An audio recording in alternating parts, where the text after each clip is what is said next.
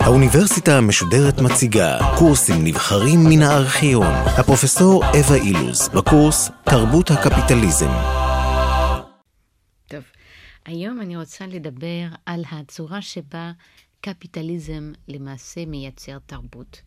זה לכאורה יכול להיראות כרעיון מאוד מוזר, כי במובן מסוים, או לפחות לפי פרשנות מסוימת של מושג תרבות, תרבות תמיד קיימת, וכמובן שבמשמעות האנתרופולוגית של המילה תרבות, תרבות תמיד קיימת ודובקת לקיום האנושי.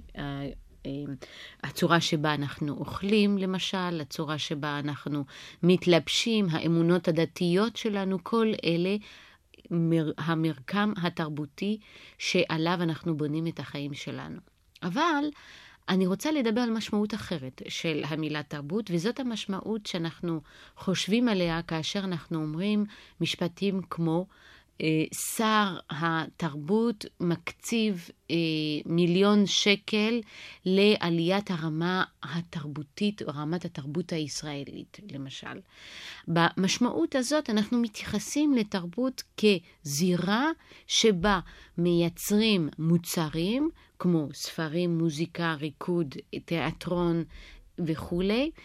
אה, ושהיא מנותקת או מופרדת, בוא נגיד מופרדת, הזירות האחרות, שהן הזירות הכלכליות והזירות הפוליטיות. כלומר, במשמעות הזאת הספציפית של תרבות, אנחנו מתייחסים לתרבות במונחים של מוצרים ספציפיים שדרכם אפשר לתחם את הגבולות של הזירה התרבותית. ואני רוצה לטעון שלמרות ש... הדיכוטומיות האלה הם אף פעם יכולים להיות מאוד חדות. אני רוצה לדבר על היווצרות של המושג התרבות הזה, ולעצם זה שהתרבות הזאת, במשמעות הזאת, קשורה לקפיטליזם. לפני שאני אז, אני אעשה את זה, אני צריכה להראות שזה לא היה תמיד ככה, כדי להסביר למה אני מתכוונת. עכשיו, רק שתבינו, אני לא מדברת על עצם כתיבת ספר או שירה, דבר שכמובן היה קיים אה, מאז ומתמיד, כלומר שאפשר כבר לראות ביוון העתיקה. לכן המשמעות שאני אה, מייחסת לזה לא יכולה להיות זאת. זה לא עצם זה שכתבו אה, ספר או חשבו, או ניגנו מוזיקה שמאפיין את מה שאני רוצה לדבר עליו. אז לכן אני רוצה לשרטט את הצורה שבה אומנים התקיימו. אה, עד המאה ה-15. הדברים האלה שאני אדבר עליהם תכף מתחילים להשתנות בצורה חדה מהמאה ה-15 והלאה, ובוודאי השתנו לגמרי במאה ה-18. אה, ואני אה, הולכת לכסות בצורה מאוד גסה ומהירה בערך את הפסק זמן הזה, שמפריד בין המאה ה-15 למאה ה-18. לפני קפיטליזם proper, הרבה מאוד אומנים נתמכו וציירו מתחת לבקשה, או אחרי בקשה, על ידי הכנסייה או על ידי אריסטוקרט עשיר. למשל, פיירו דה לה פרנצ'סקה, ציור מפורסם מאוד של פיירו דה לה פרנצ'סקה, Baptism of the Christ, אה, הוא הזמנה על ידי כנסייה. או למשל, אה, קרווג'יו, אה, אנחנו יודעים שקרווג'יו צייר, בניגוד למסורת שהייתה קיימת עד אז, אנשים פשוטים ולא אנשים מהודרים, הוא צייר את. הבן אדם הרגיל, הפשוט, העני, והרבה מאוד היסטוריונים של האומנות היום אה, סבורים שזה היה כתוצאה מהרצון של הכנסייה להתקרב לעם, ולכן ביקשו מקרווג'ו אה, לצייר דמויות לבושות בבגדים פשוטים. אה, אני רוצה לתת לכם עוד דוגמאות לצורה שבה העשייה התרבותית הייתה מאוד קשורה ל... אה, אה, לכנסייה או לפטרונים. אתם יודעים למשל שכשקופרניקוס אה, אמר שהכדור הארץ מסתובב סביב השמש וסביב עצמו, שהדבר הזה גרם להרבה מאוד שערורייה אצל הכנסייה, בגלל שזה סתר את התפיסה האריסטוטלית שה... כדור הארץ הוא במרכז של היקום. כלומר, פה זו דוגמה ברורה לכך שהיצירה המדעית לא התקיימה אה, בצורה שהיא הייתה מופרדת מהרש... מהכוח התרבותי של הכנסייה. אה, דוגמאות אחרות, אה, דורר כתב ספר על, על הצורה שבה אפשר היה להגן על הערים. אה, ליאונרדו תכנן מנועי מלחמה, אה, וגם ליאונרדו וגם מילקלנג'לו למעשה שימשו כסוג של מנדסאים צבאיים בפירנצה. כלומר, מה שאני רוצה לומר פה זה שני דברים. זה שהיצירה התרבותית הייתה כפופה מצד אחד לאוטוריטה של הכנסייה, ולא הייתה יכולה לסטות מקודים ומקונבנציות שהיו די ברורות. מצד שני, אה, מה שאנחנו היום רואים אותם כאומנים, ואנחנו נוטים לייחס להם את הצורת התפקוד של האומנים המודרניים, האומנים האלה היו למעשה בשירות אה, הנסיכים, בש, בש, בשירות, הם שירתו באופן ישיר או את הכנסייה או את השליטים הפוליטיים האריסטוקרטיים שיעזרו להם להתקיים. למשל, ב, אה, אם אני רוצה להמשיך את זה, ההיסטוריון מיכאל בקסנדל, מייקל בקסנדל, אה, הראה איך במאה ה-15 צייר, אה, סליחה, למשל, אם אני רוצה להמשיך בקו המחשבה הזאת, ההיסטוריון מייקל בקסנדל מראה ש...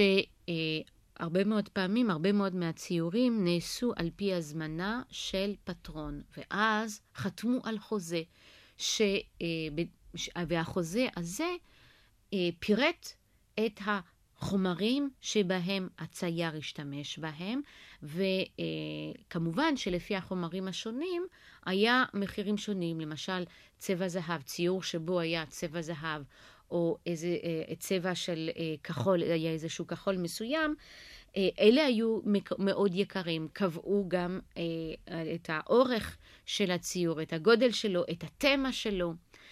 זאת אומרת שהציור למעשה היה פעולה מסחרית, היה נקבע על ידי חוזה ודיברו על הציור במונחים שהיום אנחנו חושבים עליהם כמונחים המתאימים ליצירת נעל או ליצירת שולחן, אבל לא, לא ליצירת אה, אומנות. אה, וכל זה כדי לומר שבמערכת הזאת האומן מתקיים מתחת לחסות של פטרון, ולכן הפטרון הזה קובע לו בהרבה מאוד מקרים את התכנים את ה, אה, ואת החומרים שאיתם הוא יעבוד. באופן מאוד פרדוקסלי, ותקשיבו, תשימו לב עכשיו לפרדוקס שאני הולכת לדבר עליו, באופן מאוד פרדוקסלי, ככל שהאומן יתנתק מהקשר המסחרי הזה, החוזי הזה, האומן יוכל להתנתק מזה בזכות או בעזרת או בגלל מס, מה שאני קוראת לו מסחור התרבות על ידי הכוחות הקפיטליסטיים. ואני רוצה לדבר על זה עכשיו. אה, אני רוצה רק אבל אה, לומר פה דבר חשוב, וזה זה שבסוציולוגיה אנחנו לא מנסים למצוא קשר סיבתי, ולכן התיאור שלי עכשיו, זה יהיה טעות לחשוב שאני מנסה ליצור פה איזושהי רשת, או זה, זה יהיה טעות לחשוב שאני מנסה ליצור שרשרת של סיבות ותוצאות. זה כמובן אף פעם לא הולך ככה. הזירה הכלכלית והזירה התרבותית הם כל אחד בפני עצמה אה, זירות יותר מדי מורכבות כדי אה, שאנחנו נהיה מסוגלים לומר שיש התאמה מדויקת בין דבר אחד לשני.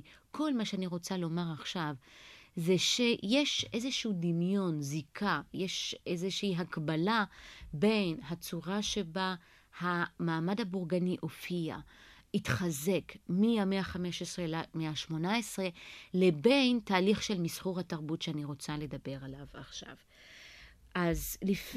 אני רוצה להגיד כמה מילים על המעמד הבורגני הזה, ואני רק אזכיר או אגיד בקצרה מאוד, אה, שבמערב אירופה מהמאה ה-15 הלאה, אה, קרה כמה דברים שאפשרו להיווצרות של מעמד הבורגני.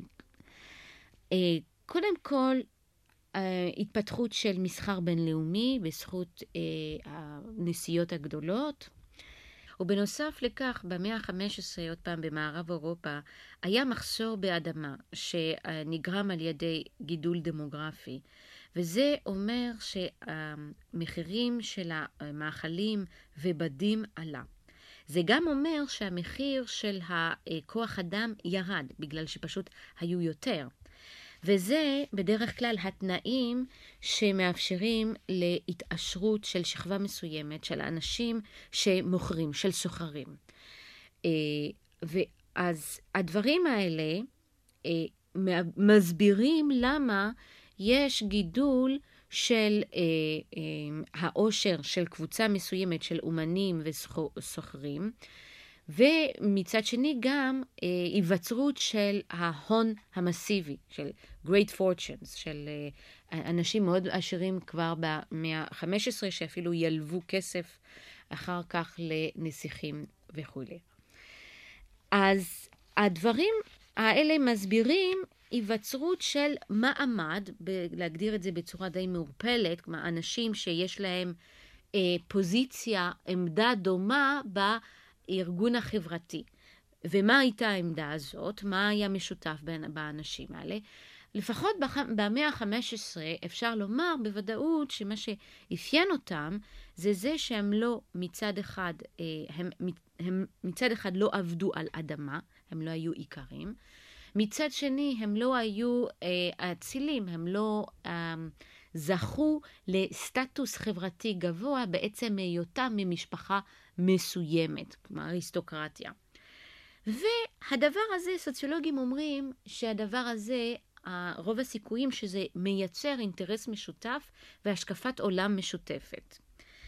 אה, זאת אומרת, אם, ב, אם מצד אחד אתם עובדים ומתעשרים, ומצד שני אתם לא זוכים לסטטוס אה, חברתי גבוה, אז סביר להניח שאתם תרצו לפתח השקפת עולם שת, ת, שתיתן לגיטימציה לסוג הקיום שלכם. ובאופן, אה, עוד פעם, מאוד מסורטט, אני רוצה להגיד מה היו יכולים להיות האינטרסים המשותפים לסוחרים, לאומנים הקטנים האלה. אה, ואני רוצה לראות איך האינטרסים האלה היו יכולים לבוא לידי ביטוי בעשייה התרבותית שלהם. אה, קודם כל, האינטרס שלהם זה אה, לעשות, אה, זה לקדש את ערך העבודה. זה לראות בעבודה מקור לשו, לסטטוס חברתי. זה, אינטרס אחר זה להגן על קניין פרטי. אה, אינטרס אחר זה לומר שערך חברתי לא נקבע על ידי אה, מי נולדתם, אלא הוא נקבע על ידי העשייה שלכם, על ידי מי שאתם כבן אדם. כלומר, פה ה, אה, מי אני כבן אדם מאוד חשוב, בניגוד לעולם שבו לא שואלים אתכם מי אתם באמת, אלא ממי נולדתם. ודבר רביעי שאני רוצה להוסיף, שאפשר לחשוב עליו כמשותף אה, לקבוצה הזאת, זה הרעיון של חופש הסחורות וחופש המסחר. כל אלה, אז אני רוצה אה, לומר, נובעים מהעמדה הספציפית של הבורגנים האלה, אנשים שיש להם כסף ואין להם, ועובדים ואין להם אה, סטטוס חברתי כל כך גבוה, נובדים מהמיקום שלהם בחברה. ואני רוצה עכשיו אה, להגיד בכמה קווים גסים, הצורה שבה הם היו יכולים לפתח אה, השקפת עולם חדשה. כדי לסכם מה שאמרתי אז, הבורגני רצה להגדיר מחדש את השווי של הבן אדם.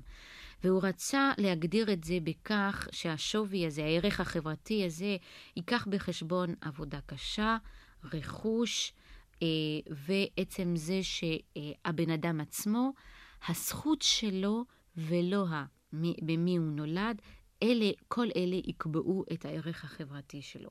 וזה סטה מצד אחד התפיסה האריסטוקרטית הצבאית של ערך צבאי וכבוד, שהערך של בן אדם נובע גם מה, מהאבות שלו וגם מאיזושהי יכולת ליישם כבוד צבאי, זה סטה מהתפיסה הזאת, וגם סטה מאיזשהו אידיאל נוצרי של עוני.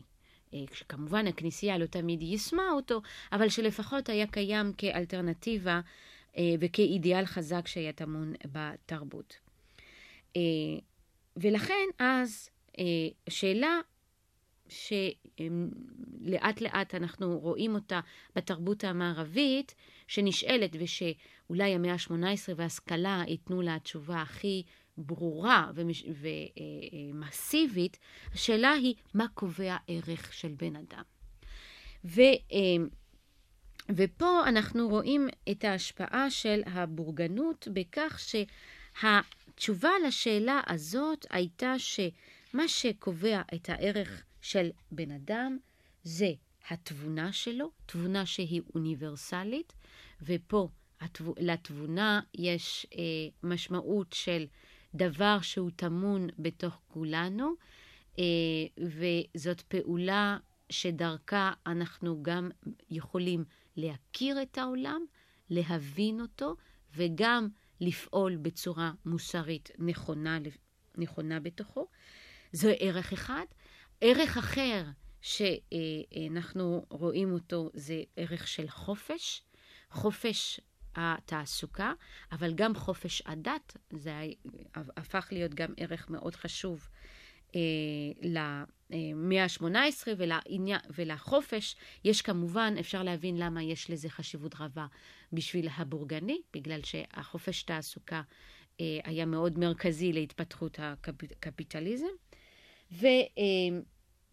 ועוד אה, רעיונות נוספים שהם קשורים אה, זה לזה, זה רעיון של זכויות טבעיות, שיש זכויות אה, לא ערך חברתי, אלא זכויות טבעיות שהן חלק מכל בני אדם, בעצם זה שהוא בן אדם, והזכויות הטבעיות האלה הן אוניברסליות. כל זה אומר שלבורגני יש תפיסה אוניברסלית של הערך של בן אדם, לא רק אוניברסלית, זה של זכויות אוניברסליות, ושמה שעושה את הערך של בן אדם זה היכולת שלו להפעיל את התבונה שלו. וכל זה מוביל להיווצרות של הספירה הציבורית במאה ה-18. ספירה ציבורית זה, אם אני צריכה להגיד את הביטוי הקונקרטי של זה, זה סלונים במאה ה-18, בתי קפה, שבהם אנשים נפגשים ומדברים, מתווכחים על רעיונות. ומי שנפגש שם זה לא רק אינטלקטואלים, פילוסופים, אומנים, זה גם בורגנים, זה גם נשות של בורגנים, סוחרים עשירים. כל המיליו הזה מתערבב וכל אחד מעביר אחד לשני את הרעיונות שלו. ואז נוצר רעיון שבתוך חברה צריכה להיות זירה שבה אנשים מלומדים, משכילים, נאורים, מדברים על מה חשוב בתוך החברה הזאת. ולא אה, אה, רק מדברים, אלא זאת אומרת, גם דנים לגבי מה יהיה טוב לחברה. המושג של זירה ציבורית הוא קשור באופן אינטרינסי גם לרעיון של חופש הרעיונות, וגם לרעיון שככה גם חברה יותר טובה, כאשר מאפשרים לכולם לבטא ללא פחד, ללא התערבות מהמדינה, ללא אה, אה, פחד שישלחו אתכם לבית סוהר, כמו שהיה יכול להיות המצב בהחלט עד המאה ה-18. אה, בגלל הרעיונות שלכם. זאת אומרת, אז שספירה ציבורית מתאפיינת ביכולת אה, לדבר, אה, להשתמש בתבונה שלנו, ללא פחד מהכוח של המדינה, ובצורה כזאת שכל אחד מחליף בצורה בלתי מפוקחת את הרעיונות שלו, אבל כל זה, כל השיח הזה מתנהל לפי, לפי חוקים של תבונה ועל פי עיקרון התבונה. עכשיו, זה אני רוצה לטעון, הרעיון הזה שאתם, מישהו כותב, ואז הרעיונות שלו מופצים בזירה אימפרסונלית, אם אתם רוצים, זה רעיון שמתאפשר עם היווצרות של שוק תרבותי. כלומר, מהמאה ה-15 הלאה, הזירה התרבותית עצמה גדלת כשוק. מהמאה ה-15 והלאה יש לנו אה, המצאת הדפוס, ולא רק זה, אלא יש לנו קהל של בורגנים שהם מאוד רוצים להפוך למשכילים, הם רוצים לקרוא, ואז כל האומן שאז היה מתחת לחסות של אה, פטרון, כל הייעוד והתפקוד של האומן משתנה. האומן עכשיו יותר ויותר הולך לכתוב, האומן, הפילוסוף, הסופר, פועל בתוך הזירה האנונימית הזאת של ספירה ציבורית. הוא כותב לא לקהל ספציפי כמו היה המצב במאה ה-15, אלא הוא כותב עכשיו לקהל של אנשים בעלי תבונה, של אנשים אנונימיים. הוא כותב לקהילות מדומיינות, והוא פונה לתבונה או לדמיון של בן אדם, של אנשים שהוא אפריורי, לכאורה לא יודע מי הם, ולא... כלומר, פה יש תופעה של פרידה מהיצירה התרבותית מהאומן עצמו. והיצירה עכשיו מסתובבת למעשה בשוק, ממש מה שנקרא שוק תרבותי, כלומר, כאשר מישהו כותב ספר, עכשיו הספר עובר מסלול מאוד מורכב, שהספר הולך לבית דפוס, ואחר כך מבית דפוס הוא הולך לשיפר, לשיפר. סוכן, והסוכן הזה מוכר את זה לחנויות ספרים, או, ואחר כך החנויות אה, ספרים האלה יכולים לש, למכור את זה או לאנשים פרטיים, או לספריות, אה, אה, או למועדונים. כלומר, כל זה כדי לה, להגיד שבמאה ה-18, למשל, יש לנו marketing כמעט. יש לנו מסלול מסחרי של הספר שדומה לכל דבר למסלול אה, של מסחרי לסחורות אה, אחרות. וזה אז אומר שיש אה, לנו היווצרות פה של תרבות כזירה שהיא עכשיו פועלת לא לפי ההשקפה, איזושהי השקפה שולטת אחידה של הכנסייה. עכשיו לא מייצרים בגלל הבקשה הפרטיקולרית של פטרון מסוים, אלא יש עכשיו זירה שהיא מתוחמת היטב, אפשר להגיד, זאת אומרת, התיחום הזה הוא אף פעם לא מושלם, אבל יש לנו זירה שהיא מתוחמת מהזירה הפוליטית, כי עכשיו צריך לייצר בצורה חופשית, בלי השליטה והצנזורה של השליט. היא מתוחמת טוב מהזירה הפוליטית והיא מתוחמת טוב מהזירה הדתית, כי עכשיו, עוד פעם, כל מי שירצה לומר דבר חייב להיות מסוגל להגיד את זה על פי התבונה שלו ובצורה אה, שהיא חופשייה. וכל מה שאני רוצה להגיד זה שהזירה המתוחמת הזאת, הזירה התרבותית הזאת, נוצרת ומתאפשרת על ידי זה שהיא הופכת להיות זירה מסחרית. וזה רק נותן לכם אולי רמז למה שהולך לבוא בהמשך הקורס. כלומר, הפרדוקס של זירה תרבותית שמתקיימת על פי אה, חוקים, או על, שמתקיימת על מבנה כלכלי, וזאת זירה שתהפוך אחר כך, היא בעצמה, מקור להתנגדות חזקה לקפיטליזם עצמו, שבכתחילה אפשר את היווצרותה.